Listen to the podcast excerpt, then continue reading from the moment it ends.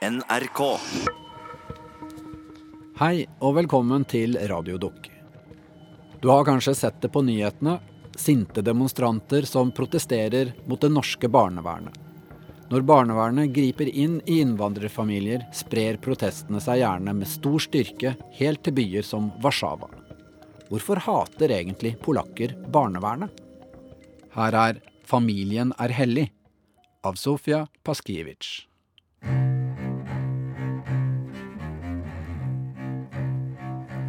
Foran den norske ambassaden i Warszawa har det igjen samla seg en folkemengde med plakater. Barnevernet terror. Barnevernet ødelegger familier, roper polske politikere. Polske medier beskriver en fascistisk institusjon som driver med rasehygiene. Tobarnsmoren Dorota er en av dem som har engasjert seg i kampen mot det norske barnevernet. Barnevern tylko jest, że działa tylko przeciwko rodzinie, nie pomaga. Som mamma sa, barnevernet eh, fungerer bare mot familie. De hjelper aldri en familie til å kjempe med noen andre som gjorde barnet vondt. De er alltid imot familien.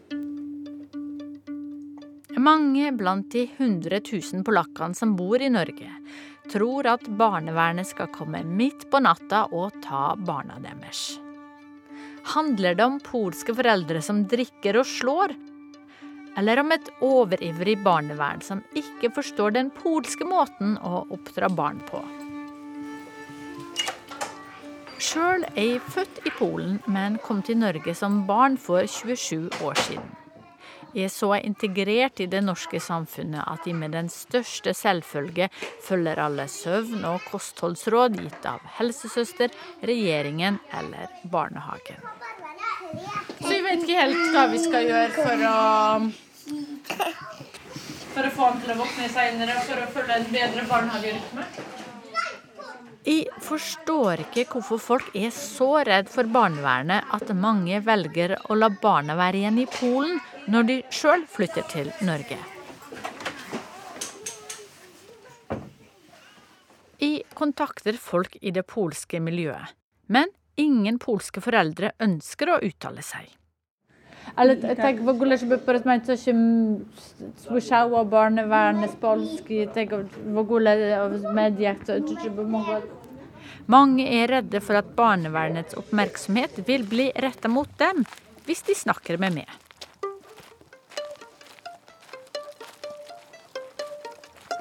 Edith Stylo har ikke barn sjøl, men på sitt galleri i Vervenbukta i Oslo har hun gitt råd til mange fortvilte foreldre. Det er mange som reagerer på Det er faktisk flere og flere i utlandet eh, som eh, da mm, har fått kjennskap til noen eh, tilfeller av barnevernssaker som, som de eh, da reagerer på. Og det er jo så hinsides for eh, veldig mange. Måten å agere på av og til.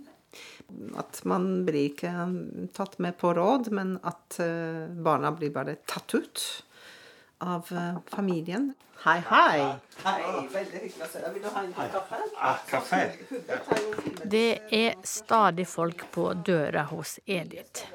Hubert er en videojournalist som har dekka barnevernsdemonstrasjoner for polsk TV. Han innrømmer at han ikke veit så mye om barnevernet, men er redd for institusjonen. Frykten ble vekka lenge før han sjøl flytta hit, da en venn bosatt i Norge fikk se videoen av Huberts sønn som kjørte bil på farens fang. And I- showed him film and I told to Look, I am proud of my son. He's gonna be a driver. And he didn't smile and said, Oh my God, what are you doing? If you lived in Norway, your kid would be taken away.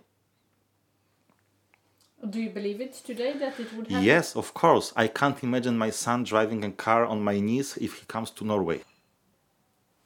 I can agree to rules on the roads, but I can't agree uh, to the rules which uh, are in, in Barnevarn organization. Kan det stemme at barnevernet griper inn hvis de ser et barn som kjører bil på farens fang?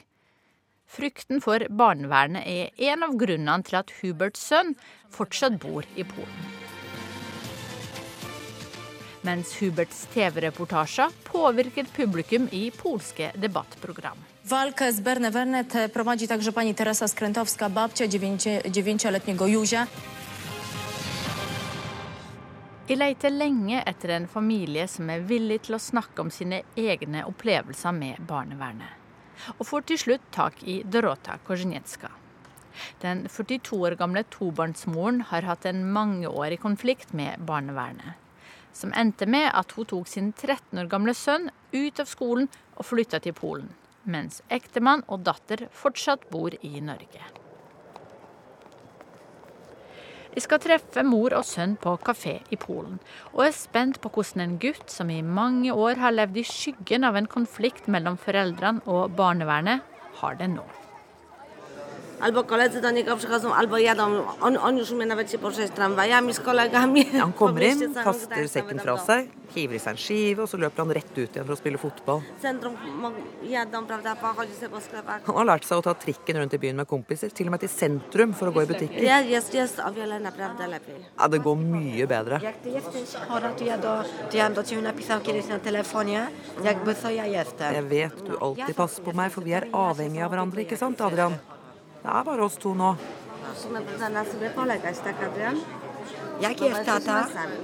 Jeg er veldig glad for at jeg til slutt tok avgjørelsen. Jeg er så glad for at jeg bestemte meg for å dra til Polen med sønnen min. Podjęłam, szkoda, że tak późno. Tą podjęłam tą decyzję wyjazdu z Norwegii z moim synem. De ser fornøyd ut, men jeg lurer på hva det er som skal til av barnevernsproblemer, For man velger å splitte sin egen familie og begynne helt på nytt.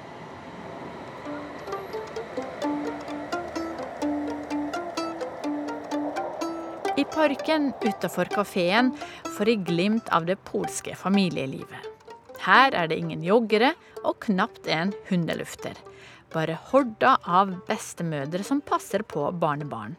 Som enmanns familiebarnehager. Og jeg kommer til å tenke på at mens man i Norge snakker om barnets beste, så er barnet i Polen først og fremst en del av familien.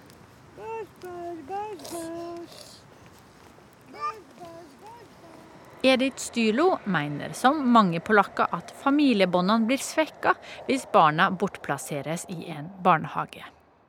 Familien står veldig sterkt i Polen. Familien i Polen er jo grunnfjellet i alt. Familien består av mor og far og storfamilien. Besteforeldrenes rolle er jo enormt stor. Tanter, onkler. Uten besteforeldre så ville ikke familien fungert. For at de tre, altså, trår til med alt de kan av kraft. Det er jo på en måte en forventning. På samme måte som man tar seg av sine eldre eller syke. Fordi at man har ikke de sosiale godene som har vokst nesten ut av proporsjoner i Norge, vil jeg si. Man overlater ikke familieskjebnen til staten, men man løser dette beste evne selv.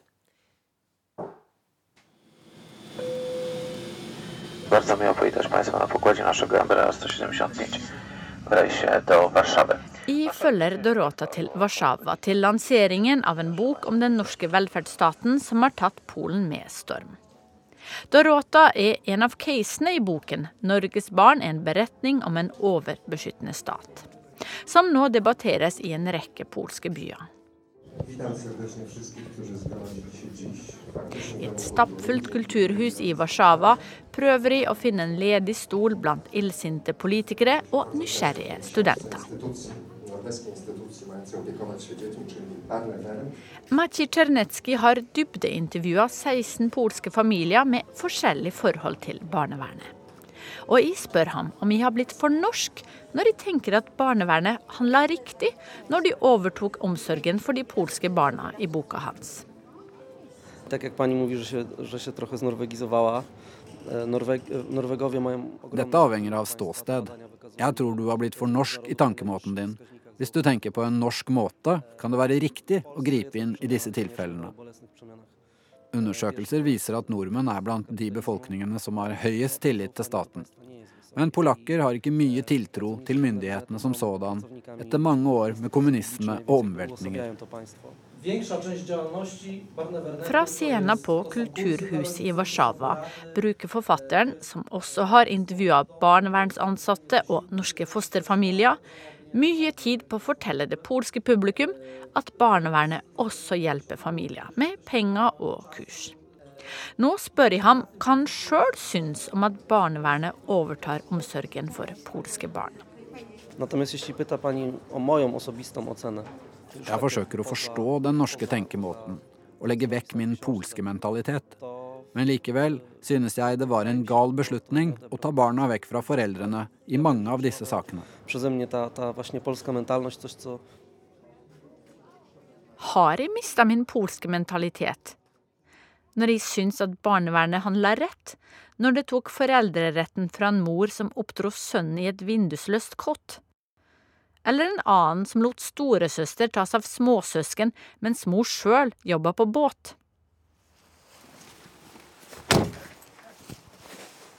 Dorota og sønnen er på besøk hjemme hos familien i Norge. De har flydd inn fra Gdansk til et avsidesliggende hus noen mil utenfor Kristiansand, som familien kjøpte i 2008. Datteren Patricia og hennes veskehund Mia tar imot i gangen. Dorota vet ikke om barnevernet har henlagt den siste saken mot Adrian men tar sjansen på at politiet ikke skal banke på døra, sjøl om sønnen igjen oppholder seg på norsk jord. Det er fredagskveld, og inn på kjøkkenet kommer det to svette og skitne karer. Far Arek og Patricias kjæreste er ferdig på jobb i familiens vaskefirma og ser frem til Dorotas lasagne.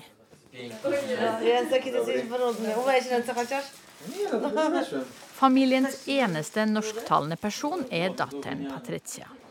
Hun veksler mellom å tolke ved stuebordet og hjelpe mor å finne frem hvitløk i kjøleskapet. Det sto at det, var, at det var du som ringte fordi at du snakket best norsk, stemmer det? Ja, jeg pleide å hjelpe de med norsken, holdt jeg på å si. Alle sak hvor de ikke kunne kommunisere seg nok på engelsk, som var litt viktige. Så pleide å ringe og hjelpe. Og, Familien er samla rundt middagsbordet.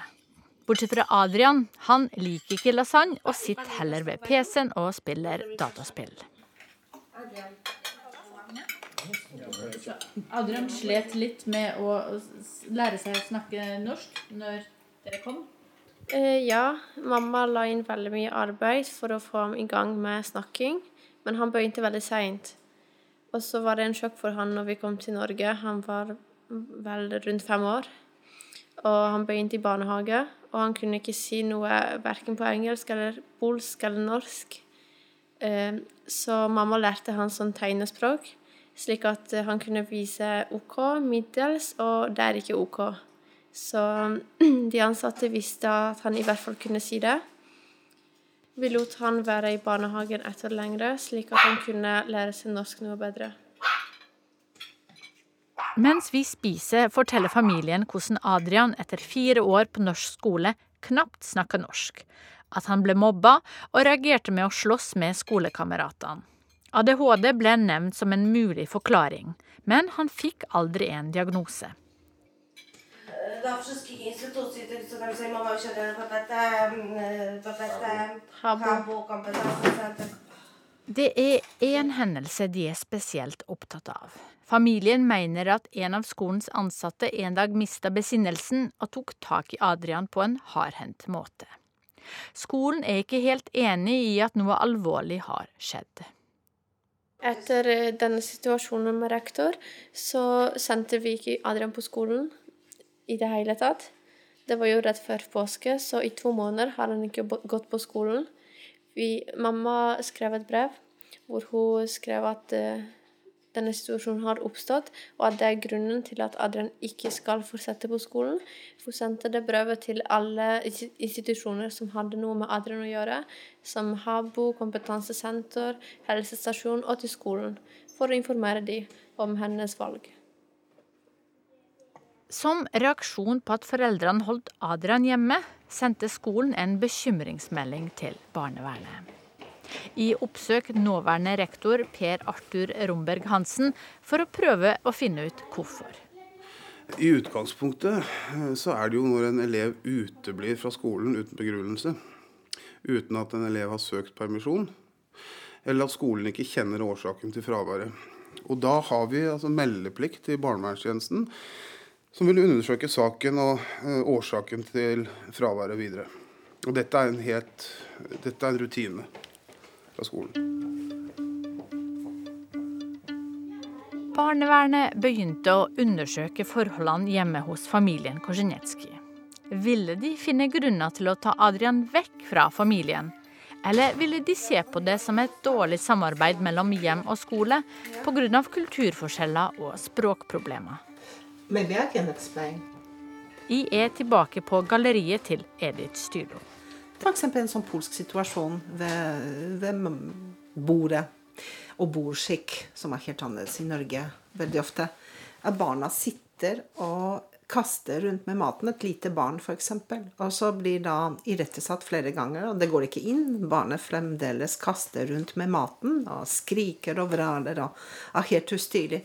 Jeg tror faktisk ganske mange av polske foreldre ville til slutt uh, på en måte reagert ved å kanskje, kanskje enten ja uh, heve stemmen, eller, uh, eller kanskje til, til, og med holde på Altså, ja, holde barnet, eller ja, kanskje Dask også? Eller? Dask, ja. Ikke sant? Det tror jeg mange ville gjort. Ville i hvert fall reagert. Men i Norge så har man den for veldig mange forbaskede frioppdragelsen.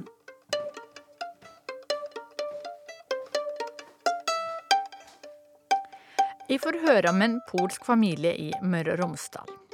De mista barna etter bruk av oppdragervold, men vant omsorgen tilbake i retten. Jeg vil gjerne møte foreldrene og høre om deres tanker om barneoppdragelse og barnevernet. Det er sånne skiløyper her oppe hit, så vi er litt heldige med, med plass. Verftsarbeideren Bartek og helsefagstudenten Sylvia holder til i et nyoppussa hus i en vakker fjellside. I mange, mange år nå i Polen det er også forbudt å bruke vold mot barna. Ikke sant? Så de som tror fortsatt det, så bare vær så god, gå til Polen og se hvordan det er. Det er så stereotyper, vet du. Og det er samme som har sagt at vi må drikke kanskje alkohol, for vi er polsk. Vi gjør ikke det. Så hvorfor vi må slå barna våre eller bruke oppdragelsevold bare fordi at vi er polakker? Det er litt dumt. Det er sånn uh, Tenke på den måten, det er kjempedumt. Så du tror ikke at det er vanligere blant polakker å slå, slå barn enn blant Nei. nordmenn? Nei. Og vet du hva, i den hele tida vi hørt fra nordmenn også, fra mange nordmenn, at det er ikke så lenge siden det var så veldig vanlig å slå eller bruke sånn liten oppdragelsevold mot barna sine, ikke sant? Så i dommen står det at eh, vi brukte oppdragelsevold, ikke sant? Og det stemmer ikke. Sylvia påstår at de aldri har slått barna, mens tingrettsdommen som ga foreldrene omsorgen for barna tilbake, argumenterer med at oppdragervold er vanlig i Polen. Men er den det? Sjøl om det er forbudt ved lov å slå barn i Polen, viser en ny undersøkelse at hver tredje polakk er enig i påstanden at litt juling har aldri skada et barn. Det fins ikke norske tall på dette, men i Sverige, som har lignende lovgivning og system som Norge, sa 8% av de spurte foreldrene at de er tilhengere av mild oppdragervold. Forskningsleder på Senter for utvikling og miljø, Nina Witoszek, ser store forskjeller på sin egen oppvekst og hvordan dagens unge foreldre oppdrar barn i Polen. Jeg husker min egen barndom. Det var et strengt hierarki. Jeg måtte shut up, holde kjeft når mine foreldre snakket. Ikke sant? Jeg fikk til en klapp som jeg fortjente. Eh, og det, det, det, kommer en ny generasjon, mine nevøer f.eks., eh, sier til meg at jeg følger eh, en helt annen sett regler eh, som dreier seg at jeg aldri bruker vold mot barn. Det, det er helt forståelig. Men det er jo ikke helt forståelig for alle eh, polakker og alle klasser som du har her i Norge. ikke sant? Så det er veldig kompleks, eh, eh, et veldig komplekst samfunn nå. Jeg får av og til telefoner, og den siste var fra Spania. Det var en ung uh, forsker gift med en spansk kone som uh, ringte meg helt desperat og sa at du, jeg har, fått nesten, jeg har nettopp fått en stilling på universitetet i Oslo, men jeg hører at hvis jeg gir min, mitt barn en klapp, så tar norske myndigheter barn fra meg. Er det sant? Så, så sa jeg nei, men dette er jo overdrivelse, men du må være litt forsiktig. Det finnes selvfølgelig, sånn som du sier, dårlige og gode foreldre, og kloke og dumme foreldre, og foreldre som bør ikke være foreldre, osv. Det finnes også eh, foreldre som er ofre for eh, traumer, som bør også studeres nærmere av barnevernet. Hadde jeg sjøl visst hvor man skal søke hjelp hvis jeg ikke greide å kommunisere med mine barn? Hadde jeg turt å henvende meg til barnevernet? I ei fjellside utenfor Molde levde Sylvia og sønnen Dominic en stund i to forskjellige verdener. Han har vært oppe på rommet hele tida, spiste oppe på rommet, ville ikke ned. Og... Men det var en periode sånn at han ville ikke dusje. Han ville ikke spise. Og... Men jeg syns det, er, det var alvorlig. Jeg lette etter hjelp. Jeg var jeg var to ganger på helsestasjonen og, og ville prate om Dominik. Og aldri fikk hun vite at vi kan søke hjelp på at det finnes familievernkontoret, ikke sant? I Molde, som kan, kan hjelpe oss litt og sånn. Og til slutt at um, På en måte vi møtte veggen.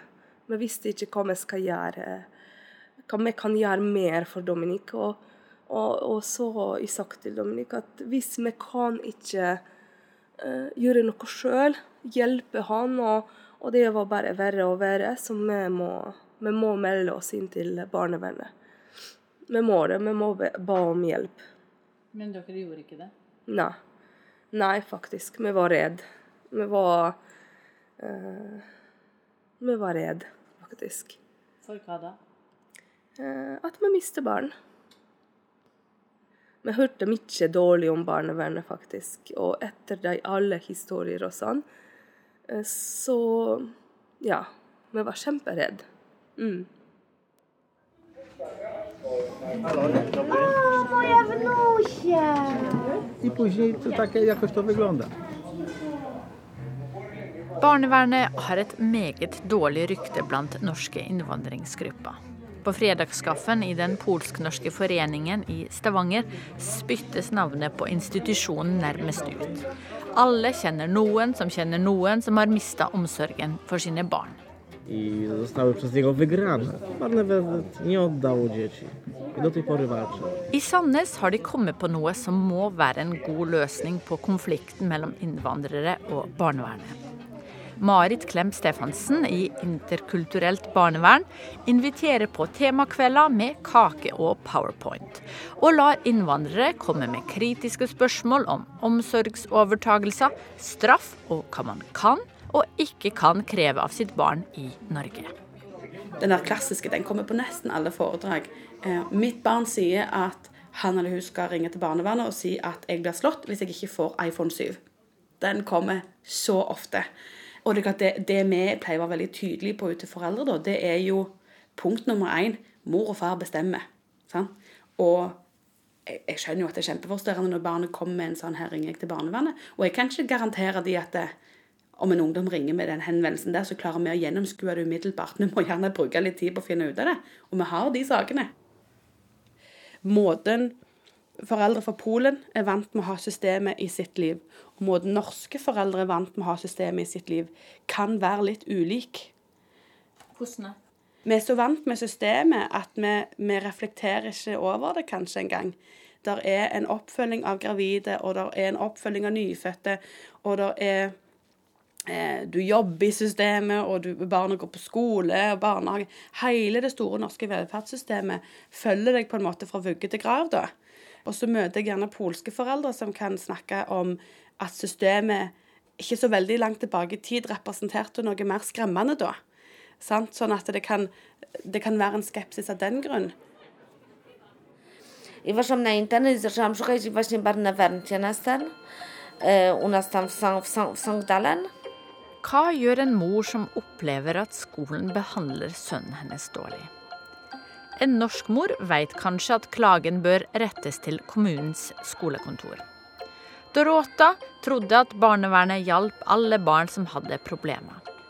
Så da hun opplevde at skolen og familien ikke kommuniserte, ringte hun kommunens barnevernstjeneste.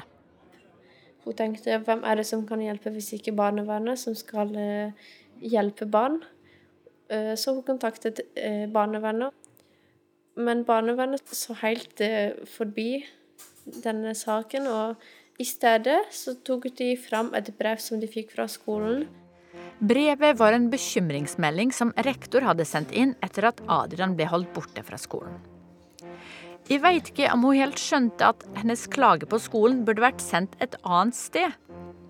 Oppgitt dro Dorota og mannen på et møte med interkulturelt barnevern i Stavanger.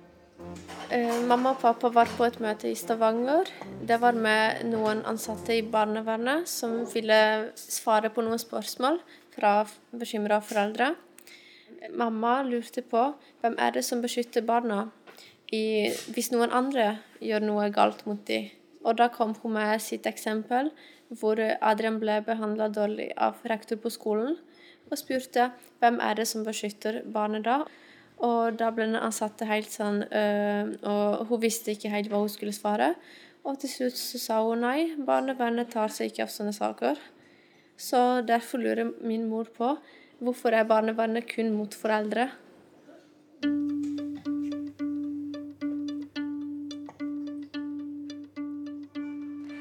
Marit på barnevernskontoret i Sandnes var den som hadde møte med Dorothe og mannen den gangen, og husker situasjonen. Eh, vi får jo sånne henvendelser noen ganger, sant? for det er ikke så lett i det store norske samfunnet å sortere. Hvor går vi med hva? Og jeg tenker at det, i hvert fall hvis en da ikke er kjent med det norske systemet, så er det vanskelig å sortere det. Så det kan komme henvendelser på hvem kan hjelpe med dette. Og da kan jo vi gi råd. ikke sant? Eh, har du en klage i forhold til noe som skjer på skolen til barna dine, så er det naturlig å først gå til kontaktlærer, eller gå til leder til kontaktlærer, som da blir rektor. Eh, og en kan vel formelt klage til rektor. Så har vi da en, en fagstab og en kommunaldirektør, sånn at eh, det som på en måte går over rektor, det, det går dit.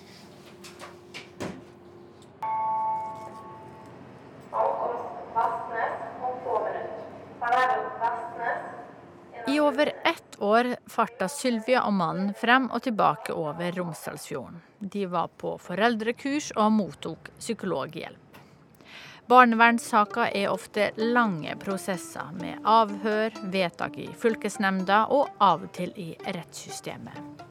Selv om Sylvia og Bertek benekter å ha brukt vold mot sønnene, gikk de med på alle tiltak som barnevernet foreslo.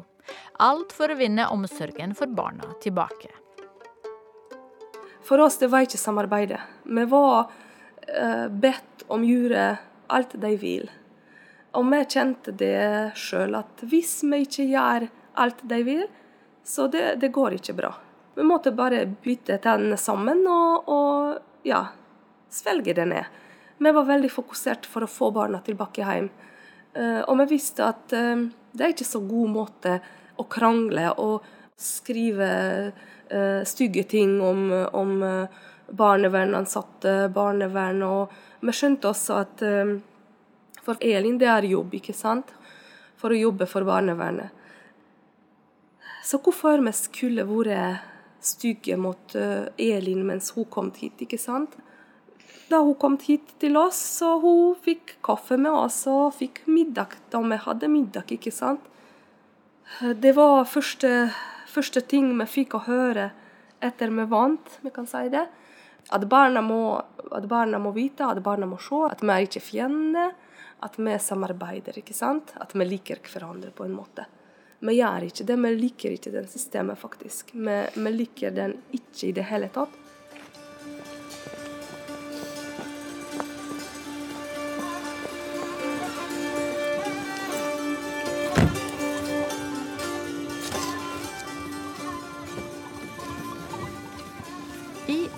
Mistenker at det er de foreldrene som forstår den norske mentaliteten, som får mest nytte av barnevernstjenesten. De som godtar dialog, stiller på dugnad og på foreldremøter. Men hvordan behandler barnevernet foreldre som krever tolk, kjefter eller ikke stiller på oppsatte møter? Da Dorota kom tilbake fra møtet med interkulturelt barnevern i Stavanger, blogga hun om et barnevern som aldri tar foreldrenes parti. I barndomshjemmet utenfor Kristiansand forteller Patricia hvordan moren ble en barnevernsaktivist. Mamma har jo laget en gruppe på Facebook som heter 'Mine erfaringer med barnevernet'. Og de har nå startet med en rekke møter. Eh, Det er for polakker som er i Norge, da. På de møtene så har de jo som oppgave å informere foreldrene om barnevernet, for det er jo mange som er redde.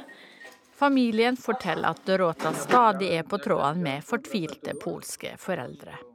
Katastrofa, nie? Wracam z pracy, chcę kupić coś, idę do sklepu, dzwonię do Doroty. I tak to, i tak to wyglądało. Som, sånn som vi husker, så gikk mamma med telefonen ved døra hele tida. Når pappa kom hjem fra jobb, så ville han gjerne kjøre inn på butikken og kjøpe det vi trengte til middag. Men det var jo helt umulig å komme seg gjennom til mamma, så jeg tenkte ofte på å kjøpe sånn hjemmetelefon som ingen andre skjønte nummer til, så jeg kunne bare ringe til mamma når jeg trengte det, og ikke sånn to timer seinere når hun var ferdig med en familie. I właśnie Norwegia, Barnevern tego nie rozumie. Dla, dla Norwegii rodzic musi być idealny, perfekt. Ale tak jest właśnie. No. Så długo. Mamma vil bare tilføye at det fins ikke perfekte familier. De som blir foreldre for første gang, de holder på å lære hvordan de skal være foreldre. Og det er jo det barnevernet ikke forstår. De forventer at de er helt perfekte fra dag én, og slik er det ikke. Folk gjør feil overalt i hele verden. Dorota snakker om perfekte familier. Men er det det som er problemet? At Norge og barnevernet ikke skjønner at alle foreldre av og til gjør feil? Good ut. til du? Eller handler det om det polske kjærlighetsmysteriet som forfatter Maciej Czernetskij stadig snakker om? At staten uansett ikke bør blande seg i familiens indre anliggender. For det er best for barnet å vokse opp i familien. Selv når far drikker og mor slår. Jeg vet, at przeze mnie ta, ta właśnie polska mentalność, coś co taka polska... Dette handler om det noen kaller for det polske kjærlighetsmysteriet, som er en overbevisning om at uansett hvor ille situasjonen er, så er det best for barnet å være med mor og far. e, złączać, bo, bo dla dziecka to też jest takie przekonanie, że w Polsce jednak jest dobrze być z rodzicem. Barnevernet er en så skremmende institusjon for polakker i Norge at foreldre flest ikke vil uttale seg om temaet av frykt for at barnevernet som hevn vil undersøke deres hjem.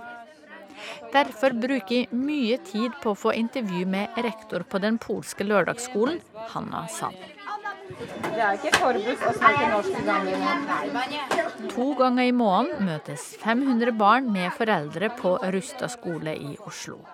Mens barna lærer om polsk litteratur, spiser foreldrene kake og utveksler erfaringer.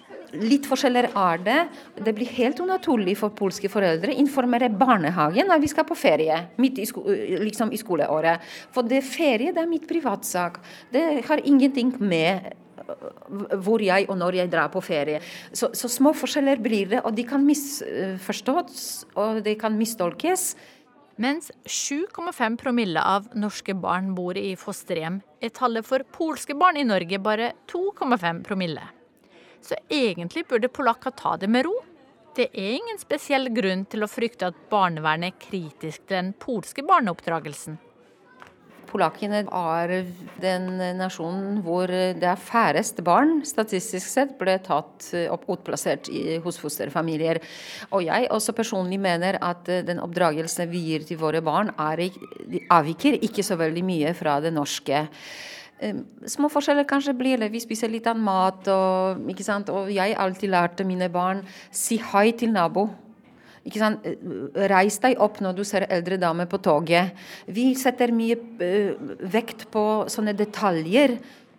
Rektoren mener at systemet med bekymringsmeldinger oppfattes forskjellig av norske og polske foreldre. Det at hvilken som helst person i Norge kan sende bekymringsmelding. Reglene er i Norge slik at barnevernet må undersøke saken. Det er ikke sak ennå ofte. De kommer og de må undersøke er det virkelig sant eller ikke sant.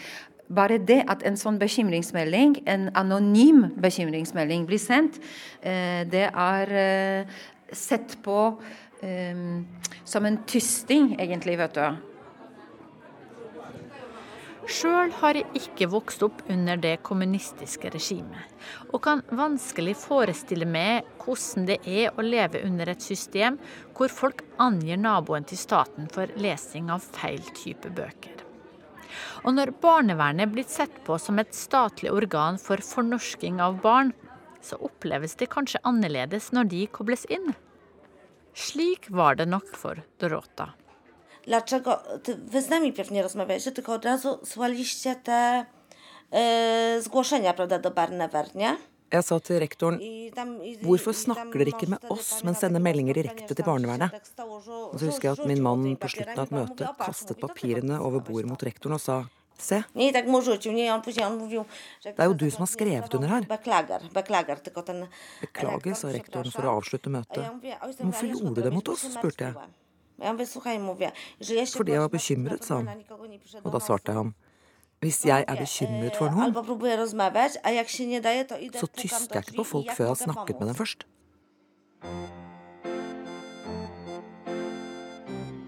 Vi har fått oversendt alle papirene som viser kommunikasjonen mellom Dorota, skolen og barnevernet. Bekymringsmeldinga som skolen sendte inn etter at Adrian ble holdt borte fra skolen, ble henlagt av barnevernet. Adrian vendte tilbake til skolen, men foreldrene ble stadig kalt inn til møte hos rektor. Ja, det var jo en uh, vanlig foreldremøte. Og akkurat den dagen foreldremøtet skulle være, så glemte faren min selvfølgelig å lage matpakke til Adrian. Noe som ikke hadde skjedd før, for det er jo fast rutine. Men uh, så skjedde det. Og før de gikk på det møtet, så visste de allerede hva det som kommer til å skje at skolen kommer til å henge seg opp i det.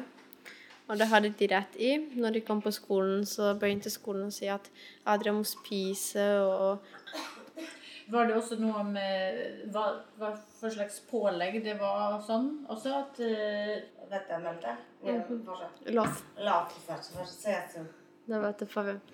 I tillegg så hadde de problemer med det at han spiste loff, for det syntes de at var jo så usunt. Men eh, det var egentlig det eneste som han ville spise. Og hver gang vi prøvde å bytte eller presse han til å spise noe annet, så sto det bare urørt. Han spiste det ikke. Her jeg står og smører speltbrødskiva med økologisk leverpostei, er det lett å være skeptisk til Dorotas loff med Nugatti. Men er det slik at barn som vokser opp med Nugatti, ikke har det bra? Uansett sniker det seg inn en følelse av at usunt eller ei, dette bør ikke skolen, altså staten, blande seg i. Svaret til forfatter Maciej Czernetski bekrefter at det muligens er polakkene med som har våkna. Eh, tak naprawdę i polskim i norweskim rodzicom chodzi o dobro dzieci? Det er ingen tvil i mitt sinn om at både polske og norske foreldre er opptatt av barnas beste. Men det er forskjeller. F.eks. For hvis det er 30 minusgrader ute og barnet vil løpe ut uten å ta på varm jakke. Hvis barnet nekter, vil en norsk forelder la barnet prøve å se selv hvor kaldt det er, og komme løpende tilbake. Mens en polsk reaksjon er streng. Ta på jakka, ingen diskusjon. Og det er det jeg mener, at foreldre i Polen, av omsorg for barna, tvinger dem til ting uten at staten blander seg. Mens i Norge forsvarer staten barnas rett til å velge selv, selv om det er på tvers av foreldrenes ønsker. I czasami, czasami nawet przeciwko rodzicom, tak, w tym wypadku.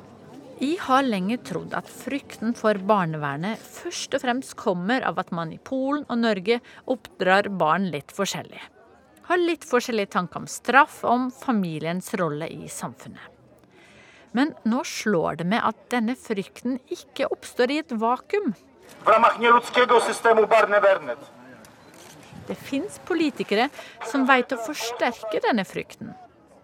Jørn Holm Hansen på Senter for velferds- og arbeidslivsforskning er begeistra for boka til Tsjernetskij, og setter den i en politisk kontekst. Og så foregår dette i et politisk eh, klima hvor eh, nasjonalpopulister på høyrekanten er på offensiven. De snakker om moderland og blod og brødre og, og sånt noe. Og når man da eh, ser at ens egne barn, nasjonens egne barn, blir tatt ut av eh, familier og plassert i i dette tilfellet norske profesjonelle, gode fosterhjem, så ser man en konspirasjon. Og vi har jo sett f.eks. I, Polen så har faktisk eh, ledende politikere holdt seg for gode for de verste utsagnene, men i land som Tsjekkia, hvor presidenten Milos Zeman sier at eh, det norske barnevernet er en slags videreføring av nazistenes Lebensborn-program for rasehygiene, hvor man da tok ariske barn fra, eh, som hadde blitt eh, til av ariske foreldre, og plasserte dem i egne hjem for å dyrke fram edle ariske rasen.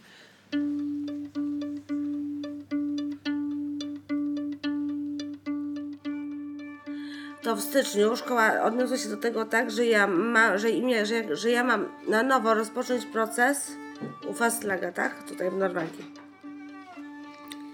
I januar 2016 så hadde foreldrene mine siste foreldremøte.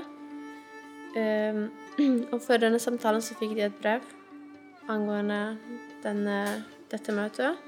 Det første punktet var jo frokoster. Så den forbanna matpakka bare forfulgte de videre. Fire år etter at skolen sendte sin første bekymringsmelding til barnevernet, fikk Dorota igjen et brev fra skolen. Hun på norsk ble informert om at hvis hun ikke dukka opp på møte med rektor og kontaktlærer, vil barnevernet bli kontakta.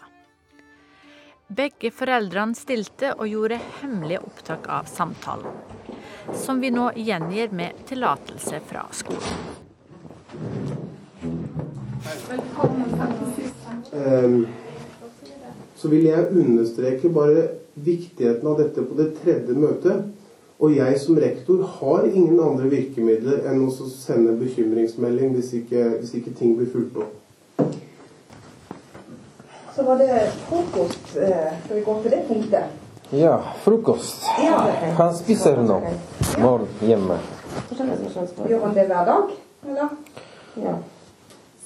90% 90 Også ikke hvit. Nei, så bra. også, også, også på skolen, kanskje Isa ser fredag, hun uh, har ikke hvit brød. Han har ikke hvit brød. Han har grov. Ja. Ikke lov. Det er bra. Så bra. Baker dere eller kjøper dere rett på? Czy pieczecie, czy kupujecie? Nei, fra butikk. Ja, ja, ja, samme her.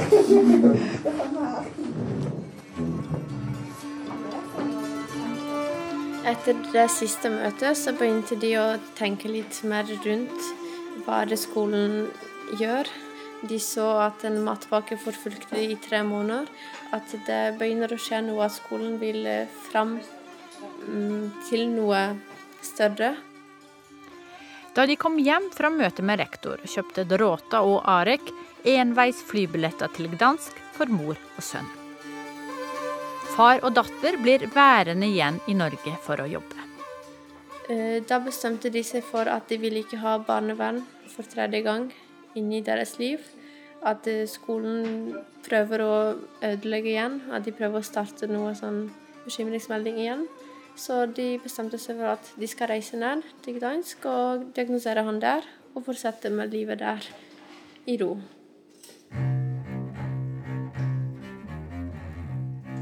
Ute i verden fortsetter demonstrasjonene mot det norske barnevernet.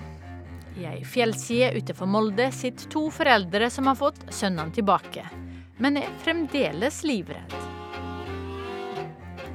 Etter en familiehelg på Sørlandet pakker Dorota og sønnen kofferten og flyr tilbake til en blokkleilighet i Polen, hvor moren fortsetter sin barnevernsaktivisme.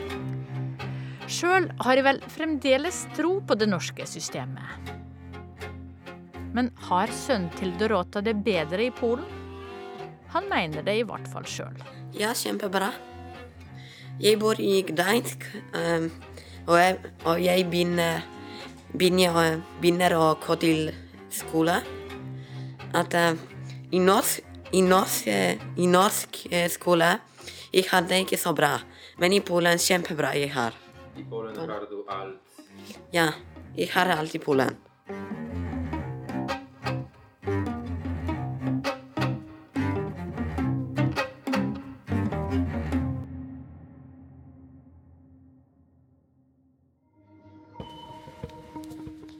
Du har hørt radiodokumentaren 'Familien er hellig', et program om polakkers frykt for det norske barnevernet.